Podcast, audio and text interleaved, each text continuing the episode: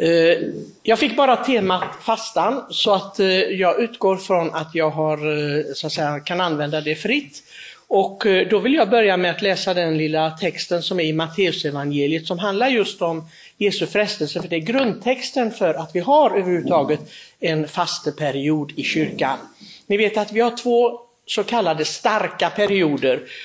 Det kallas så i liturgin och det är advent för där förbereder vi oss inför Jesu ankomst, alltså den eskatologiska Jesu återkomst, i, inte bara firandet just av, av julen, av, av Jesu historiska födelse, utan det eskatologiska, eh, Jesu återkomst. Och eh, framförallt är det så att säga eh, kännetecknas av den återkomsten som blir när var och en av oss ska dö, då vi träffar Herren så att säga till domen den personliga domen.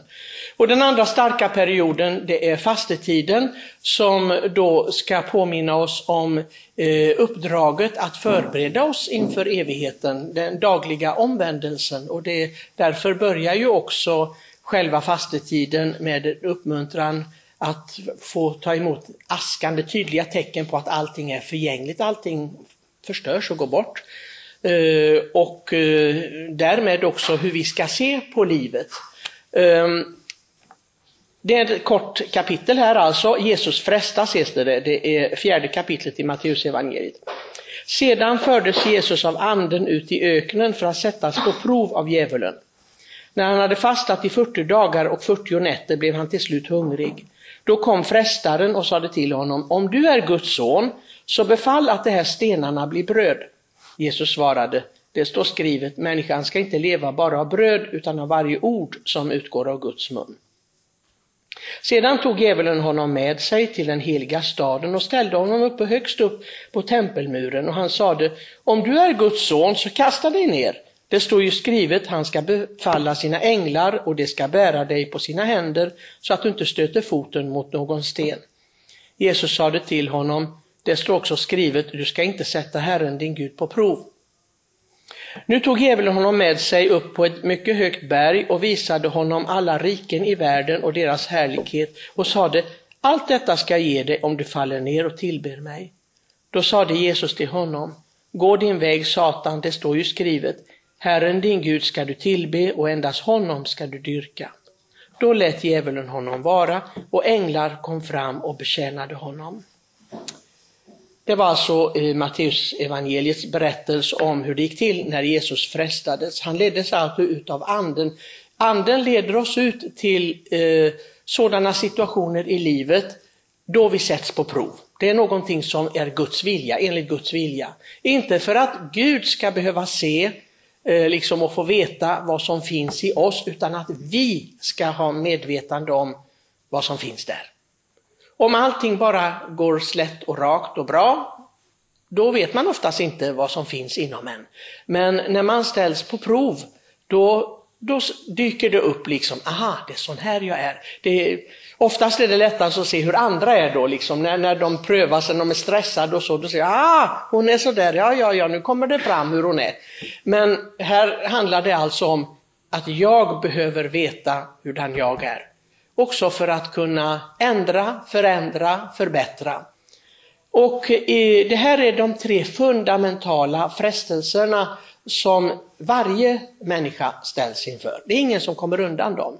Vi kanske tycker att ja, det är väldiga liksom, dramatiska grejer det här, men, men så, så, stora så att säga, prövningar ställs väl inte jag inför, hoppas jag i alla fall. Men nu är det så att oavsett om vi känner igen dem i de formerna så är det en prövning som vi kommer att möta förr eller senare. Oftast så är det så att det börjar ganska så tidigt i livet. Jag brukar liksom eh, le lite när jag hör det här att eh, när han hade fastat i 40 dagar och 40 nätter blev han till slut hungrig. Ni, ni, tänker inte på att det underligt detta är. 40 dagar och 40 nätter, när jag har fastat i fyra timmar så tycker jag jag känner att nu kommer hunger. Jag, jag, jag, hade ju varit död efter bara några dagar här, det förstår jag ju. Inte någonting, men, men jag tar det så liksom med en nypa salt det där att han, någonting måste han ha ätit under de här 40 dagarna och 40 nätter.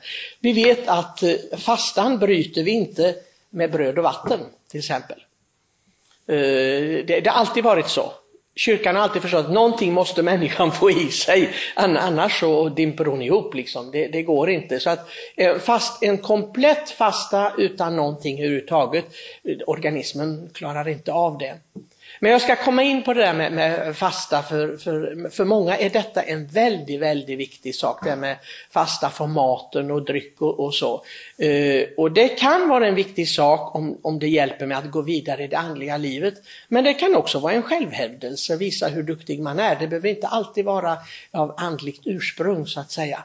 Men det kommer vi till, för det första, eh, det var detta, han var så hungrig om du är Guds son, så befall att de här stenarna blir bröd. Det är det första man kunde tänka sig att nu har man den makten och har man den liksom befogenheten som då Jesus, Guds son, hade, då skulle han kunna tänka med en gång, bara, bara liksom knäppa med fingrarna som Harry Potter, liksom, liksom utan något trollspö, och säga bröd, ja, och så kommer det bröd. Eh, eller det dimper ner i taket, eller vad var det den gjorde i Harry Potter-filmerna? Eller det var redan på bordet, för det var det ja. Men eh, det ville inte Herren, utan han ville påminna den onde om att du ska inte bara leva av bröd, alltså det, det är klart att du behöver bröd, men du behöver också Guds ord, du ska livnära dig av Guds ord. Och när vi tänker på detta, då tänker man på vad hans mamma gjorde, jungfru Maria. Hon tog det till sig och gömde det i sitt hjärta. Alltså inte bröd, utan Guds ord. Det som var sagt till henne, det gömde hon där. Hon var en lyssnare. Det första som Gud befaller sitt folk, kommer ni ihåg vad det är när han säger i öknen? Den första uppmaningen, om ni har läst Bibeln, vad, vad, vad, vad säger Gud? Lyssna Israel! Lyssna Israel, det är den första uppmaningen som Gud ger.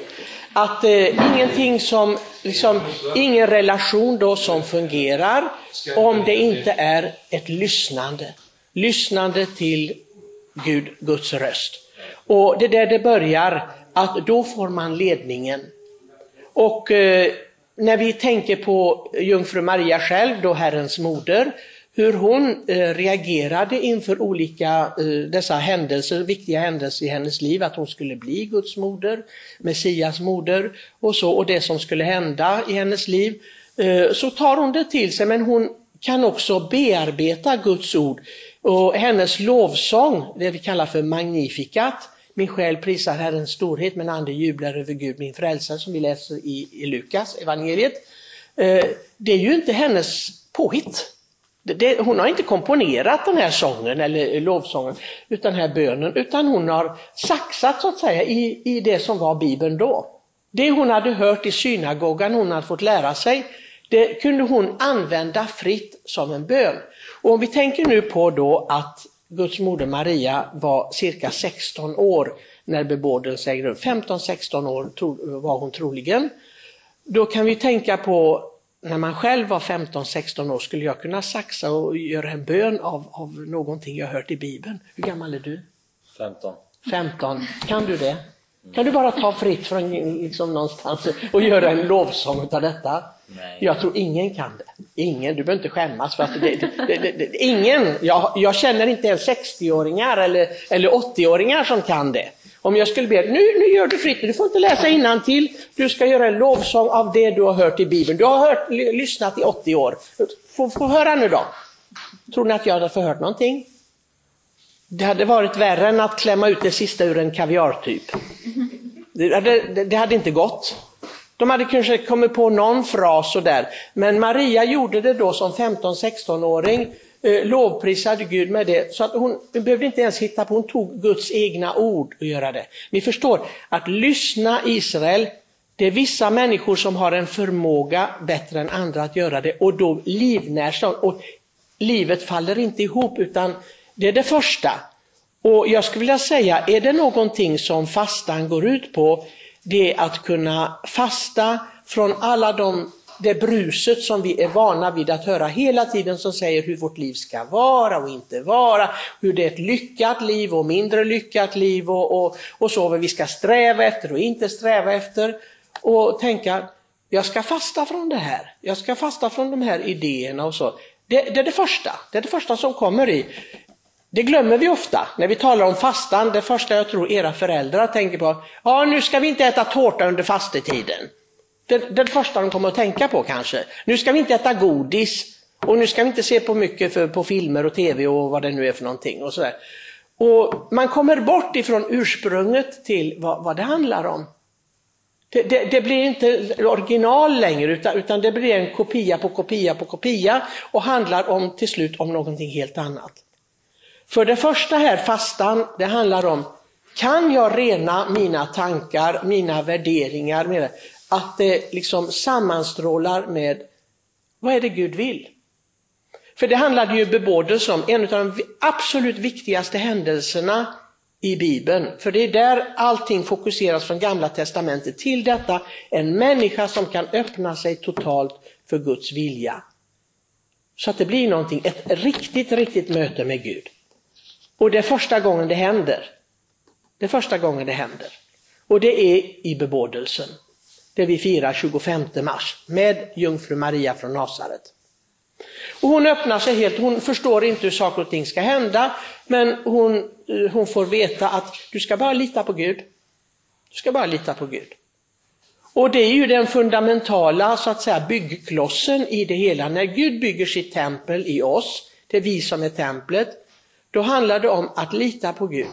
Det är många som bär liksom väldigt mycket oro och så i sina liv.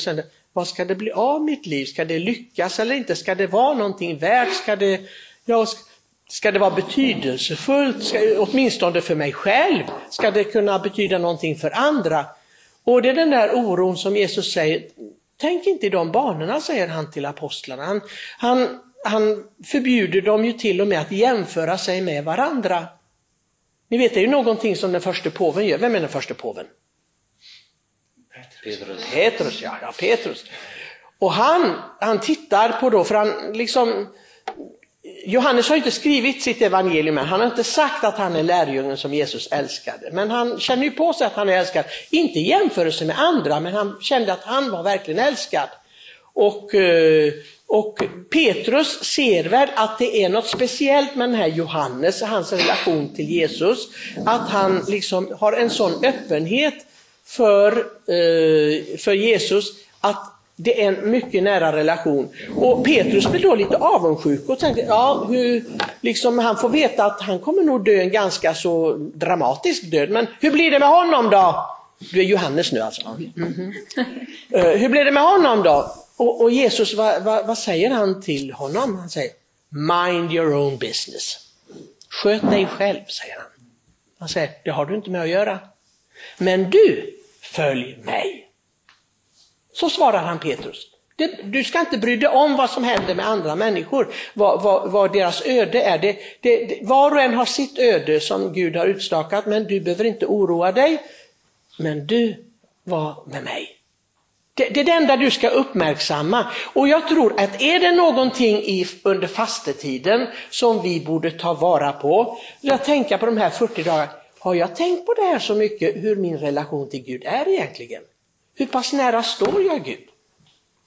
Är det, hur, vad är det som jag behöver då rensa bort där? För det finns antagligen väldigt mycket som jag behöver rensa bort i mina planeringar och mina funderingar och mina önskningar och vad det nu kan vara. Och jag tittar på andra, att det liksom, men han har ju klarat sig mycket bättre, eller hon har det mycket bättre än jag. Eller, hon är mer populär än vad jag är. Och, och liksom, vad, hur, hur, gör han för att klara det? Och, och, så, och, och, så förlorar vi mängder med energi på denna uppmärksamhet av andra på ett felaktigt sätt. Vi ska uppmärksamma andra, ja. Men bara på det viset att vi bär varandras bördor, säger aposteln Paulus. Bära varandras bördor, det betyder att är det någon som är betyngd av, av sitt liv och sin synd och, och sina misslyckanden och, och allt vad det är, att vi då är där och stöttar den människan. På så vis ska vi uppmärksamma andra och intressera oss för andra, men inte på ett felaktigt sätt. Och det är väldigt många som bär på en slags avund på andra människors eh, liksom, eh, eh, liv och, och vad, hur det går för dem och sånt. Men man vet ju aldrig sen utan ibland så är Gud väldigt barmhärtig mot vissa när man tänker att de har inte Gud i sina liv och om de inte har någon lycka, vad har de då? Jag tänker så ibland. Om inte Gud skulle vara barmhärtig mot dem, då, då skulle deras liv vara fullständigt meningslöst. Men vi vet ju också att eh, det är en väldigt viktig sak för oss att förstå att Gud har inte liksom onda planer för någon människa. Det är inte att han vill plåga mig för att jag, låt oss säga att jag blir sjuk eller jag inte klarar av någonting eller inte uppnår det som jag skulle vilja och så. Det har inte med, med, med Guds straff att göra och kyrkan fördömer den teori, teorin, för det var ju vissa som trodde då att, ah, är du sjuk så är du straffad av Gud. Misslyckas du i ditt liv, då är du straffad. Det är din synd och så som gör det. Kyrkan fördömer en sån tanke. Säger att det kommer, kommer inte fram någonstans i uppenbarelsen att det är på detta viset. Utan det, det är en felaktig tolkning. Gud älskar alla. Det står till och med, Gud föraktar ingenting av det han har skapat. Föraktar ingenting, inte ens Hitler, inte ens Putin föraktar han. Vi människor, vi, jag tror att vi är väldigt fulla av förakt just nu för, för en viss människa som sitter i Ryssland, i Kreml eller var han nu sitter. Men Gud föraktar ingen, Gud vill alla människors liv. Att alla människor omvänder sig och får liv. Jag hörde av Pater Rafael, min medbroder, det är väldigt bra att ha medbröder, man, man, man hör och lyssnar och, och lär sig ju hela tiden och, och, de kommer med sin vishet och så. Och då så sa han det att det, det var någon som hade talat med en eh, eh, inom ett kloster och, och, och hon hade några som var soldater och, och, och hon var väldigt rädd för att, att eh, det, det, skulle gå dåligt för dem och så. Och då Herren uppenbarar sig för en i klostret som, som var mystiker och säger att ja, men det är ju därför prästerna finns. Det är ju därför att prästerna ska kunna ge den förlåtelse så att de kan kunna möta sitt öde med frid och gå direkt in i himlen. Men Jesus sa inte till den här mystikern, liksom, ja, jag ska göra allt för att de ska slippa gå sitt öde till mötes. Nej, var och en har sitt öde. Vissa har en mer dramatiskt öde än andra. Men om du har Guds ord inom dig, om du har lyssnat på Gud, då förstår du att allting ligger i Guds händer. Och jag tror, är det någonting vi ska ta tag i i fastetiden, det är att fråga oss själva, lyssnar jag på Gud? Eller är det bara det yttre här, liksom människan ska inte leva bara av bröd. Jo, människan ska leva av bröd. Jag ska ha allting jag behöver och sen när jag har allting jag behöver, då lyssnar jag på Gud. Alltså precis det motsatta. Först liksom lyssnade och, och, och det, det är väldigt bra att ha detta, denna principen klart för sig under, om man vill helga fastigheten, om man vill göra någonting nyttigt av den. För många gånger blir det ju så att vi, ja, ja jag åt, det var fastetid så jag åt inte så många semlor eller fastlagsbullar, vad du nu kallar det för. Liksom. Eh, ja, för det var ju fastetid. Och sen blev det inget mer av det. Det är bara detta att jag inte åt så många kakor som jag brukar göra. Det är ju meningslöst, ja, eller hur? Utan här handlar det om vad lever jag av, vad livnär jag mig av? I livet. Är det Guds ord? Är det är det, det jag får höra förkunnat för mig i kyrkan? Eh, och låter jag mig ledas av detta eller tycker jag andra röster är intressantare? Det kan de vara naturligtvis. Och, och låter mig ledas av det och då förstår jag att då leder det inte till Gud. Det leder någon annanstans, men inte dit. Den andra var detta det står ju skrivet att Gud ska beskydda dig, han ska ta dina, sina änglar och, så att det inte ska hända dig någonting. Det är en, det är en vanlig, eh, vanligt missförstånd eh, för många kristna. Jag har gått i en dödsbädd en gång och det var, det var, det var nog det mest förskräckliga jag varit med om vid en dödsbädd. Och det var den här sjuke mannen som inte var så där värst gammal, han fick cancer och, och så sa han på sin dödsbädd, ja jag förstår min situation, Gud kan ju inte ha tid för alla. Vad sa du, sa jag. Menar du vad du säger? Ja, jag, men jag accepterar mitt öde för Gud kan ju inte ta hand om alla. Kan, har jag kommit fel? Så har jag kommit till, till en kristen sjukbädd eller vad, vad talar du om för någonting? sa jag. Nej, det där får du ta tillbaka. Be om ursäkt nu för att det där, det där är strunt du säger. Och du säger det till och med när du är så pass sjuk. Jag visste att han skulle dö snart. Men, sa det inte på det viset, men, men jag sa det, det här är ju fel. Så Det här är alldeles fel. Du, du ska lita på att, att är det någonting som Gud tillåter och vill i ditt liv så är det för ditt bästa. Du, du, du ser inte, om du hade levt till du var 89 eller 90 eller någonting, du vet inte vad du hade gjort för någonting. Du kanske har gjort beslut som var direkt det motsatta från ett liv med Gud. Men, men din cancer, din, din sjukdom och, och, din situation just nu har ingenting med det att göra att inte Gud tar hand om dig. Gud kanske har bråttom att få se dig. Det kanske det. Han kanske vill ha dig hos sig snarare än vad du skulle vilja vara hos honom. Det, det, oftast är det precis tvärtom vad vi tror. Att, att tro på att, att det är brist på Guds kärlek för att det händer oss någonting som vi inte önskar ska hända, det, det är en stor frestelse och det, det, är naturligtvis det som den onde fienden, vi har två onda fiender, brukar jag ofta säga till folk. Vet du vilka det är? Ja, det är inte grannen, det är inte din svärmor, det är inte liksom någon annan i släkten. Det är djävulen och det är du själv. Det är de två fienderna du har. Vi tror att vi älskar oss själva men tyvärr är det väldigt få som verkligen har en klar insikt i hur man älskar sig själv. Den som älskar sig själv, den gör allt och vill allt så att jag ska uppnå det jag är skapad för, det eviga livet. Det är den som älskar sig själv, verkligen. Inte bara den som liksom ser till att den är snygg och attraktiv och, och, och, liksom, och presentabel och allt vad det nu är. Nej, nej, nej, nej. Utan den som verkligen förstår hur man uppnår det eviga livet. Och sen också motarbeta sådana tankar som inte kommer från Gud. För det här visade ju Jesus, för det står ju, han, eh, djävulen kan citera Bibeln må ni tro. Det finns ingen som kan Guds ord som djävulen. Inte ens påven kan det. Och det vet kyrkan om. Att djävulen kan använda Guds ord precis hur som helst och, och få oss att tro att det, ah, men hur kommer det sig om Gud ska beskylla? Det står ju att han ska befalla sina änglar och de ska bära dig på sina händer så att du inte stöter foten mot någon sten. Men nu var jag med om en bilolycka, jag har ont i ryggen. Hur kommer det sig då? Hur kommer det sig då? Men det står ju här, Gud säger ju detta. Och Jesus svarar om, du ska inte sätta Herren din Gud på prov. Det är många gånger som vi gör saker och ting då vi utsätter oss själva för fara.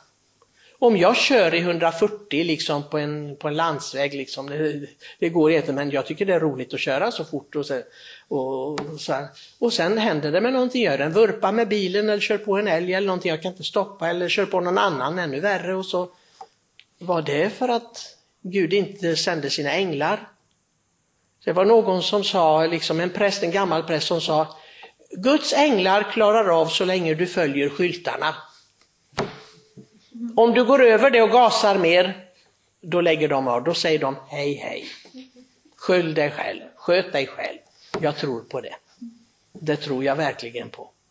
Det finns många saker vi gör som liksom är emot Guds vilja, sättet vi lever, sättet vi gör olika saker på, som utmanar vår hälsa och så. Sen finns det sjukdomar och sånt som vi måste gå igenom därför att det är enligt Guds vilja, det ska rena oss, det ska helga oss, det ska dra bort liksom allt det som är eh, liksom önskningar i livet om ett lyckligt liv som inte är enligt Guds vilja. Och det är två olika saker. Men Gud står alltid där. Men det finns saker vi gör som vi inte ska göra och som är utmanande och det är en slags liksom eh, då eh, att vi sätter Gud på prov här. Nu ska vi se, om jag kör i 140 här får vi se om, om Gud skyddar mig. Och det är naturligtvis det är ett brott mot, mot Guds helighet att göra någonting sådant. Och så nu tar vi den sista då, för pizzorna de väntar ju. Mm. Eh, på ett mycket högt berg och visade honom alla riken i världen och deras härlighet och sa, allt detta ska jag ge dig om du faller ner och tillber mig. Gå din väg Satan, det står skrivet, Herren din Gud ska du tillbe och endast honom ska du dyrka. Jag tror att det är en väldigt bra sak att tänka på detta under fastetiden. Det, det är en väldigt, väldigt bra sak. Uh, ja men jag tillber mig, jag är inte satanist, jag, jag tillber väl inte djävulen. Uh, nu är det så, jag kan för er information, ibland så skrattar folk och säger det finns väl inte så många satanister. Vi har till och med i församlingen sådana som har varit satanister. Jag ska inte säga vilka de är, men, men eh, jag vet precis vilka de är ja, och eh, som har berättat för mig sina historier. Så, och, och eh, en berättade att han har varit i ett eh, katolskt land, så kallat katolskt land och sa, hur gick det då? Det gick väldigt bra. Därför att katolikerna kan inte sin bibel. Jag kunde manipulera med dem precis hur jag ville. De, de kan ingen, ingen, inte sin tro, de flesta katoliker. Så de är väldigt lätta att omvända. De är till och med lättare att omvända än protestanter. Och det var ju kusligt för mig att höra. Men så är det många gånger och, och sen behöver det inte ha med själva tillbe att göra. Hur gör vi för att bli populära till exempel? Det är att tillbe samhället. Att man, att man liksom ge, sviker sin tro och, och, inte vågar stå upp för sin tro på många olika eh, sätt. För att bli populär, för att inte bli förkastad från, från andra till exempel. Det är ett sätt att, att liksom gå med på detta att tillbe. Tillbe den som inte ska tillbes. Och det tänker vi inte på. Jag, jag tror att det, det, är bra, de här sakerna här, de här tre uh, stora frågorna här, om man tar upp dem under fastetiden varje år, då tror jag att man kommer väldigt, väldigt långt i det andliga livet. Man kommer väldigt långt i, i, i gemenskapen med Gud. Men det är nog ytterst få som gör det. Därför vill jag komma in på lite praktiskt här när, eh, när det gäller eh, fastan. Som jag sa till er, Eh, det finns de som fokuserar väldigt mycket på att de ska inte äta, de ska inte dricka, de ska inte eh, gå på bio, de ska inte göra det ena och det andra under fastetiden så att den blir verkligen en, en stark tid, en, en, en tid som har en betydelse. Och det är bra. Det är väldigt, väldigt bra. Och var och en ska göra det den kan i detta fall, men till exempel som, som kyrkan säger då, Eh, det hjälper inte mycket om du fastar för att spara till exempel, för, då ska det som du har sparat in på att inte gå på bio, att inte äta någon middag, utan då ska de gå till de, till de som är behövande, annars är det ingen fasta. För att jag bara avstår från någonting, det är ingen fasta. Det, det ska producera någonting annat. Och det förstår många kristna inte. Utan de tänker, det var, det var bra med de här 40 dagars fasta, liksom. jag åt inte så mycket middagar och inte, inte mindre kött och allt det där. Och nu har vi sparat eh, åtminstone 3000 i, i hushållskassan. Och, och, är det fasta? Det finns någonting som fäderna kallar fasta för djävulen. Och det, är alltså, det producerar ingen, ingen närmare relation till Gud, att uppfylla det som Gud vill. Och det heter fasta för djävulen. Och jag känner en hel del här i församlingen också som gör det. Och jag säger, vad gör du nu med dessa pengar? Ja, det är bra att spara lite pengar. Det är inte det som är meningen med fastan. Och sen gör vi fasta på att inte vara elaka, till exempel med orden, fastar vi med orden. Det är en eh, viktig sak, ja i den här församlingen åtminstone, jag hoppas att andra präster också säger det. Att vad hjälper det att jag liksom mm, eh, inte bryr mig om att äta eller inte se saker och ting och inte gå på, på liksom, eh, utflykter och underhållning och vad det är. Om jag sen inte liksom vaktar min tunga, mitt hjärta, vad, vad, vad har det för betydelse? Jag menar, jag ger eh, liksom kärlekslösa omdömen om andra människor, jag bedömer andra människor, vilket är förbjudet av Guds lag. Herren säger det flera gånger, döm inte så ska du själv inte bli dömd. Och ändå så, liksom i telefonsamtal eller när vi står med några kompisar, alltså, och så, ja hon där är ju dum i huvudet. Hon är, och, så, och så sätter vi stämpel på, på alla runt omkring oss, och så, vilket är förbjudet. Vilket är förbjudet för en kristen människa, det är helt förbjudet. Och är det någonting vi borde fasta för, vi kanske borde börja där. Det där. Den där bullen och den där kakan och den där glassen och den där, den där filmen, det spelar egentligen ingen roll då. I, I det stora sammanhanget som är att komma närmare Gud, så jag vet människor som äter och äter och äter och äter, men de fastar mer än många som låter bli att äta och dricka och jag vet inte vad, men de är noga med att vara kärleksfulla. Väldigt noga på den punkten, att inte såra någon, att inte kränka någon, att inte eh, ge omdömen om någonting. Är tysta i de sammanhangen.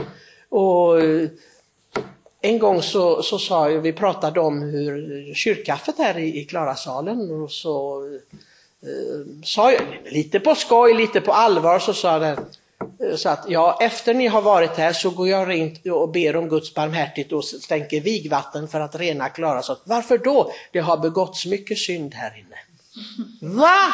Varför synd? Nej, vi har inte gjort, vi har suttit här och druckit kaffe och pratat. Just precis, ni har pratat om vad då? Vad var det era hjärtan fyllda av? Jag hörde vissa utav er vad ni sa. Jag hör, jag är inte, jag är, jag är inte döv än. Så jag hör. Stor synd begås här. Och det är när det inte finns kärlek, när man inte ser på varandra med kärlek. Och då spelar det ingen roll. För Paulus säger, jag kan låta bränna min kropp och offra mig och allt vad jag äger och har och så. Men fattas kärleken, då är det ingenting värt, säger han. Det är fullständigt meningslöst. Och det är det jag brukar säga, jag har sagt det i 30 år, ja, snart blir det 30 år, nästa år blir det 30 år. Och jag förkunnat precis samma sak. Jag hoppas ju att någonting ska, poletten ska trilla ner någonstans hos någon åtminstone, att de förstår det. Men ibland så uppenbart att det handlar bara om att inte äta någon kaka eller inte göra eh, det. Och, och, och, men resten, resten finns inte där. Och om vi kan liksom använda vår fastetid och säga liksom så här att ja, eh, jag ska veta vad jag, vad jag lever för och lever av, vad jag livnär mig av. Jag, jag ska försöka lyssna på Guds ord så att det, det styr hur jag tänker och, och arbetar och hur jag, hur jag lever så att säga. Och, och detta att jag ska inte tro att när det inte går bra för mig då är det inte för att Gud inte bryr sig om mig eller inte älskar mig. Nej, det, det, det, ingår i Guds plan att det här ska jag gå igenom. Det var det andra. Och tredje, jag ska inte göra allt liksom bara för att andra människor ska tycka att jag är, är, cool, jag, jag ska bli populär. Jag ska inte bry mig om det. Jag vet vad jag lever för. Jag lever för att uppnå det eviga livet. Och då måste jag leva på ett visst sätt. Jag måste liksom leva i denna Guds gemenskap och, och lyda hans vilja. Han säger, lev buden så uppfyller du allt vad Gud vill. Och, och jag behöver inte vara rädd då, utan jag, jag, går på livets väg. Och om jag kan fokusera lite på det under de här 40 dagarna under fastetiden, om jag inte klarar av det alla, alla dagar, 365 dagar under året, men kanske jag kan använda fastetiden till det. Och den inre vandring alltså. Och sen kan jag då säga att, att det här påminner mig om att, att nu ikväll så tittar jag inte på TV eller, eller på video eller vad det nu är för någonting, eller spelar videogame eller sådär. Gör jag inte det för att jag, jag, jag ska ha klart för mig att det är inte bara av det jag lever utan jag, jag är inte beroende helt av detta, jag är en fri människa. Och så, då är det bra. Jag behöver inte äta den här kakan eller jag behöver inte äta den här pizzan. Eller jag kan låta Pater Josef äta alla pizzorna. Liksom. Ja, ja, men, eller vad som helst. Men att jag har det klart för mig varför jag lever, då blir det en bra fastetid. Då är det en riktig fasta. Så lycka till!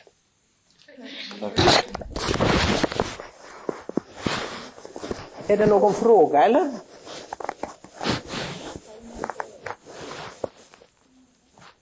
Du säga att det här med alltså, att man är fokuserar på maten och kosten, är det en av de största missuppfattningarna om fastan? Eller finns det ja, det, det, är det om jag, om jag förstår vad, vad kyrkofäderna, alltså, det finns ju apostoliska fäder, eh, de som var efterträdare till apostlarna. Det är väldigt intressant att läsa deras skrifter och så, för de förklarar ju då eh, apostlarnas undervisning. Och eh, det handlar ju mest just om detta att vi ska uppfylla det dubbla kärleksbudet och, och, och att uh, gå in i den, det, det, som jag talat om nu, de tre för, stora frestelserna. Som du ser, det handlar ju inte bara om någonting yttre utan det är ju en, en inre sak. Och, och tyvärr är man ju vi, vi, är präglade av vår kultur. Jag, jag vet när, till exempel när, när mina medbröder som kommer från Polen och säger ja vid julen då ska vi äta det och det, det ingår i vår. Och, och i Sverige säger men, men då säger de ja, i din tradition finns det bara julskinka. Mm. Så, nej inte alls, så, det finns andra saker också. Eller vad det är. Men vi är präglade av av denna yttre tradition och ibland är den inte så andlig, även om vi tycker att vi är kristna, men det är inte alltid den, den handlar om det. så att säga. Och, och då kan man fokusera vid lite fel saker. Och, och, i det här fallet tycker jag att det blir det. Och, och jag försöker ju tjata på folk och säga att tänk lite mer nu här. Att det, det, det är bra. Jag, jag, säger inte att du inte ska avstå från det, det är inte det jag säger. Men, men om du bara fokuserar på det och sen blir det ingenting där inne i ditt inre, då, då vad blir det då? Mm.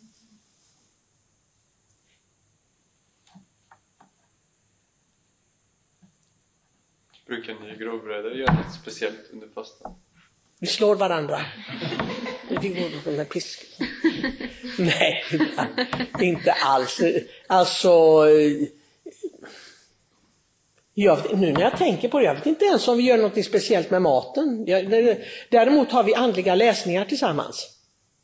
Och vi eh, diskuterar de här, det vi har läst och det, det, kan vara plågsamt ibland. Man, ska, liksom, man känner sig som en värphöna, man ska komma fram med någonting vist och klokt och sådär. Och det tycker jag, det, det är en fastegrej. Så liksom, ja, och, och, och, vi har stilla dagar och sådär lite mer. Och, och ja, och vi har vissa då bestämmelser från vår ordensledning, till exempel på onsdagar ska vi göra det och, och det, det, det, kommer uppifrån så att säga, där de mm. säger hur vi ska göra. Och, och det, det försöker vi alltid följa. Och, och så. Mm. Men, men sen som vi tycker själva i brödraskapet då att eh, den här brödrakärleken till varandra, det är viktigare än allt annat. Det, det, Eh, det finns tyvärr kloster där, där toleransen för varandra kanske inte är så hög men, men, men man håller reglerna. Jo då. Mm. Och man, man är mycket strikt med det ena och det andra och med tystnad och inte äta för mycket och jag vet inte vad och så. Men sen så tål man knappt inte varandra, vad hjälper det då? Alltså Josef, jag har en fråga. Jag har läst lite på sociala medier och lite annat som man ska kanske inte läsa för ofta, men jag gör det då och då. Och då, då hamnade jag på en eh, liten konversation som var mellan människor. Och det är precis som du var inne på den andra punkten, att Gud har skapat oss och har ett plan för oss och vi går igenom de sjukdomar och allt annat.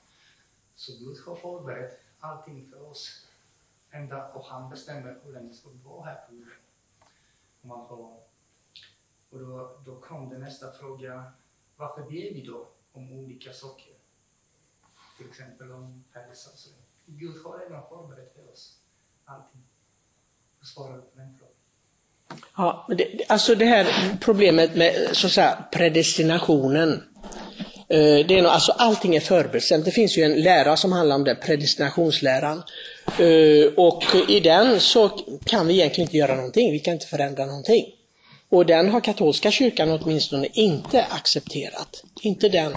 Utan eh, när Paulus talar om vi är förutbestämda så talar han om människor som har sagt ja till Gud.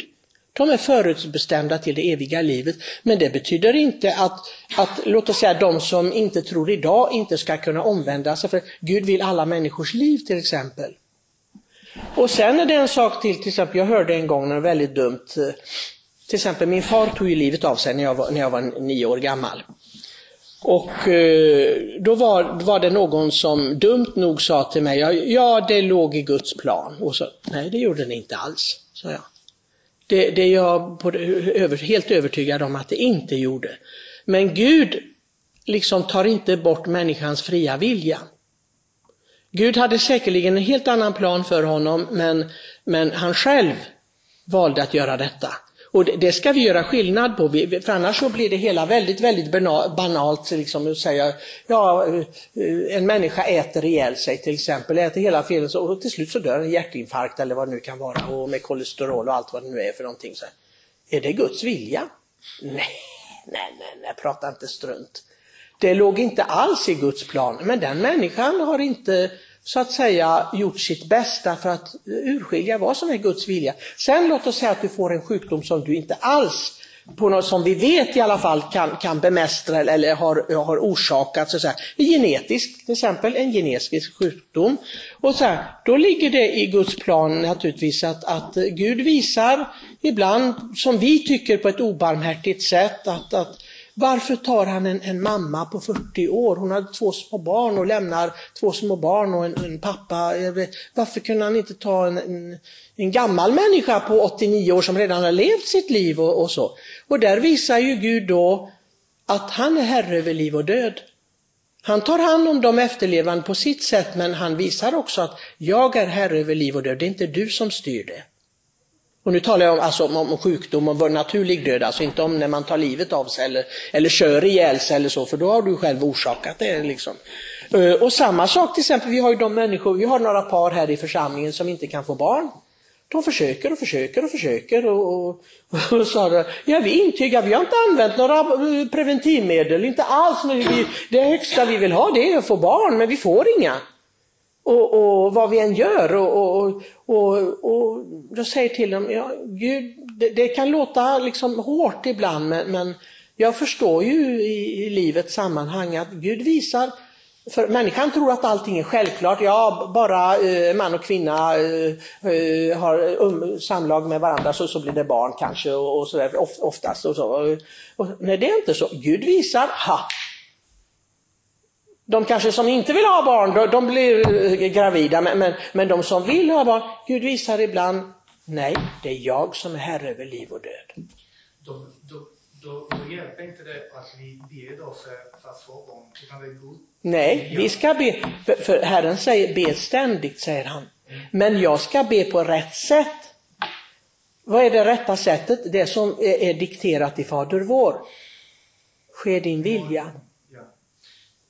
Och Jesus säger detta hela tiden. Vi, vi, gör liksom, många gånger så gör vi fel när vi, vi ber att det, Gud har blivit en Coca-Cola-maskin eller liksom, du, du lägger in din peng, det, det är bönen och, och, det ska komma ut eh, liksom, resultat av det, det som du vill ha.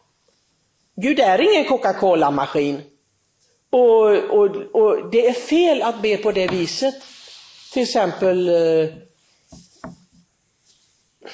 Ja, alltså, jag, jag, vet inte, jag ska ta något konkret exempel här men jag vet inte vad, vad jag ska ta riktigt. Men att jag, jag ber inte på det viset alltså. Jag, jag, skulle inte be att, ja nu har församlingen två miljoner i skuld och så här, gode Gud ge mig de pengarna så jag kan betala skulden.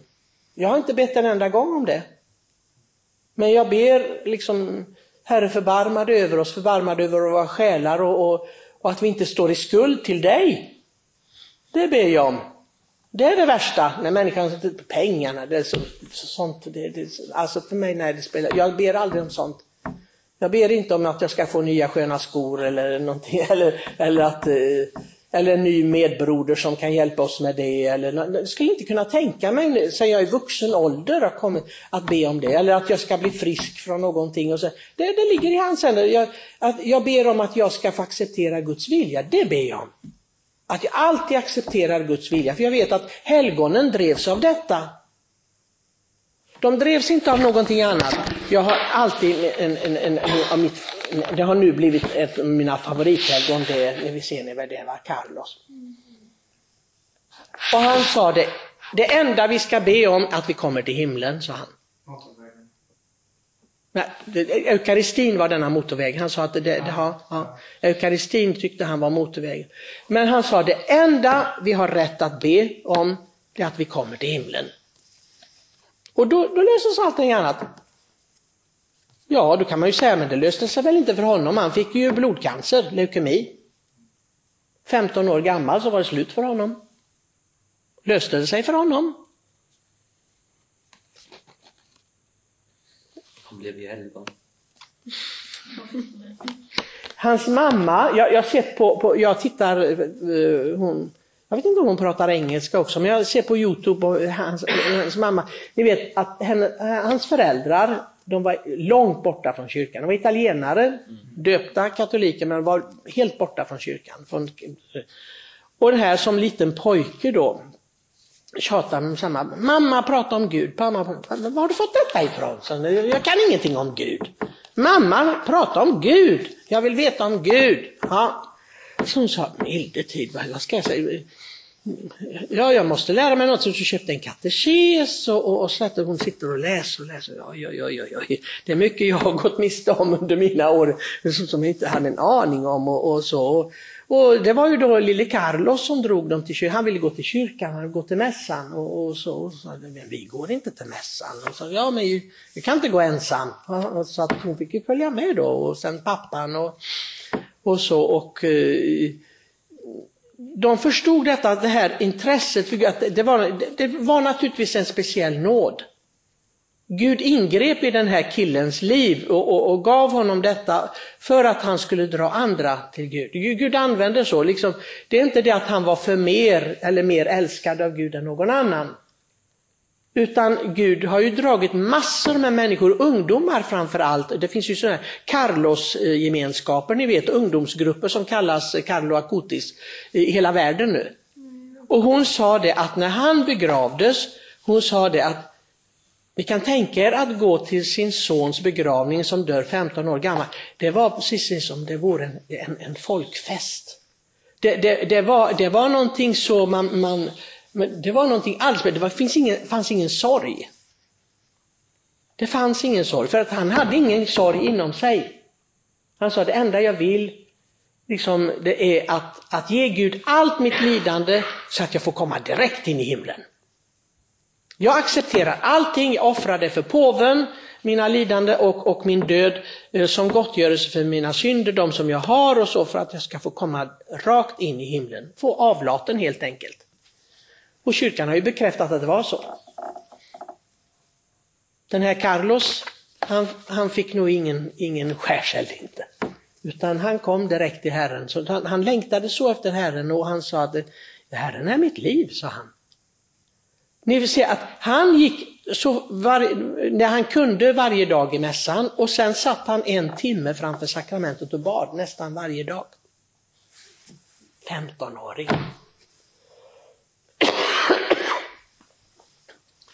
Det, alltså det är fantastiskt med de här människorna som visar på att vill du så kan du. Vill du så kan du. Mamman berättade också, ja men ni ska inte tro att, han var, liksom, att det var helt fel, för så han, Carlos, det, det syns på några filmer att han kämpar med, med, han tycker om godis, han tycker om eh, sötsaker och sånt. Men så sa mamman, ja, men, men han kämpade med det här, liksom, han visste om det liksom, och han tyckte att det hade kanske blivit lite för mycket ibland och sådär. Och, och, eh, sa mamman då, hon var lite generad över det, så liksom, om hon skulle säga det eller inte. Liksom, och, och men eh, liksom, det syntes ju att han, ja, han hade lite, lite mage sådär. Så att han, han tyckte om att äta och, och sådär.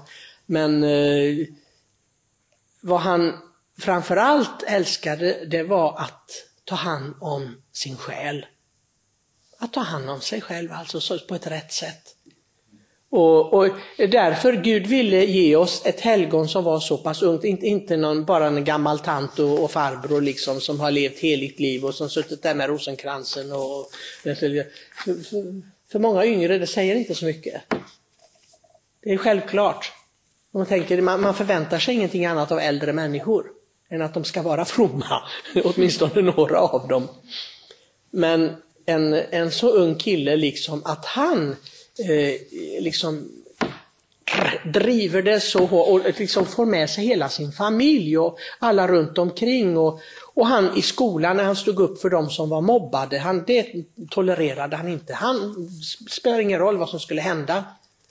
Och ni vet, eh, det, det kan ju vara tufft ibland i skolorna och sådär, men det ställde han upp för. De, de var, det, var, det, det var hans kompisar, de som var mobbade, de gick han till. För honom, kristendomen, om det inte hade någon, någon betydelse i, den, liksom i, i kärleksgärningar, då var det ingenting. Då hade, då hade det inte kommit in igen. Han förstod det. Den här killen förstod det. Att leva, leva det liksom praktiskt, eh, evangeliet. Och, och, och liksom, då, då, då lever man ju fastebudskapet hela tiden. Alltså det var ju någonting som han gjorde på, inte part-time, utan full-time, kan man säga, verkligen. Så därför tycker jag han, han är, jag hade gärna velat ha en stor bild av honom någonstans och så där, och i kyrkan. Och, eh, jag hade kastat ut de gamla helgonen. många av dem säger inte så mycket längre tycker jag, men, men den här Carlos, ett, ett, ett, nutida, han, han, är verkligen talande för mig. Ni vet att han har gjort en eukaristisk utställning. Hej hej, välkomna! Hej. Eh, Var inte ledsna för ni kan lyssna på detta efteråt om ni vill. Eh, han, har gjort, han, han var så intresserad av eukaristin, alltså kärlekens sakrament, att han, att han tog reda på eh, alla eukaristiska mirakler i världen. Så det har blivit en utställning och eh, vi var, i och med hans helgonförklaring och så, så hade, tänkte vi att vi skulle ta hit den för att jag känner eh, jag vet inte, Vesse Marugvo, känner ni till henne? Mm, hon gifte, hon, hon, ja, hon, ena, ena tjejen där, hon gifte sig i Italien. Men, och han känner eh, mamman väldigt väl. Eh, Han jobbar för Radio Maria i Italien. Och, så att vi skulle försöka få hit den här utställningen som Carlos har gjort om just eukaristin. Så. Men nu blev det ju då avbrott med, med pandemin och sådär. Men, men jag ska försöka få hit den här utställningen då. Carlos, för att jag tycker det är verkligen eh, någonting. Det är mest rörigt, jag ska sluta med det för, för nu ska vi gå till pizzan. Och det var, jag, jag lyckades se på, på eh, nätet eh, helgonförklaringen av, saligförklaringen av Carlo då. Ni vet att han ville gärna bli begravd i Assisi. Assisi var en jättestor plats. Franciscus och, och Assisi för honom var, var en, en av de käraste platserna. Han, han hade ingen för, liksom, inget förknippning till, till Assisi egentligen, för han var ju född i London och sen bodde han utanför Milano. Men han bad om att få bli begravd i Assisi och det fick han. Och sen tog de upp honom för, för saligförklaringen och han ligger nu i, i en sarkofag i, i Assisis gamla domkyrka i och med att han skulle då bli, bli saligförklarad. Men eh, då ville de ge ett eh, en relik till Franciscusbasilikan, till det klostret som jag tillhör då, där Franciscus är begravd. Och eh, då, när de gjorde i ordning hans kropp så tog de ut hans hjärta. Och eh, det gjordes i en behållare, man ser det inte alls, men det är en stor pampig. Och, och det mest rörande i hela saligförklaringen var att hans föräldrar ville bära fram detta i, i undermässan. Så hans föräldrar bar fram Carlos, sin sons då hjärta, under offertoriet i, i, i kyrkan för att eh, det skulle vara där. För att, jag menar att det, det, hans hjärta var där. I detta att, att leva med Kristus så som Franciscus älskade Kristus, att ge allt. Eh, det var den här lille eh, Carlos liv och väg. Och så att det var helt naturligt för dem. Så nu finns det alltså där att, att, eh, att besöka även Carlos hjärta i Franciscus basilikan i Assisi.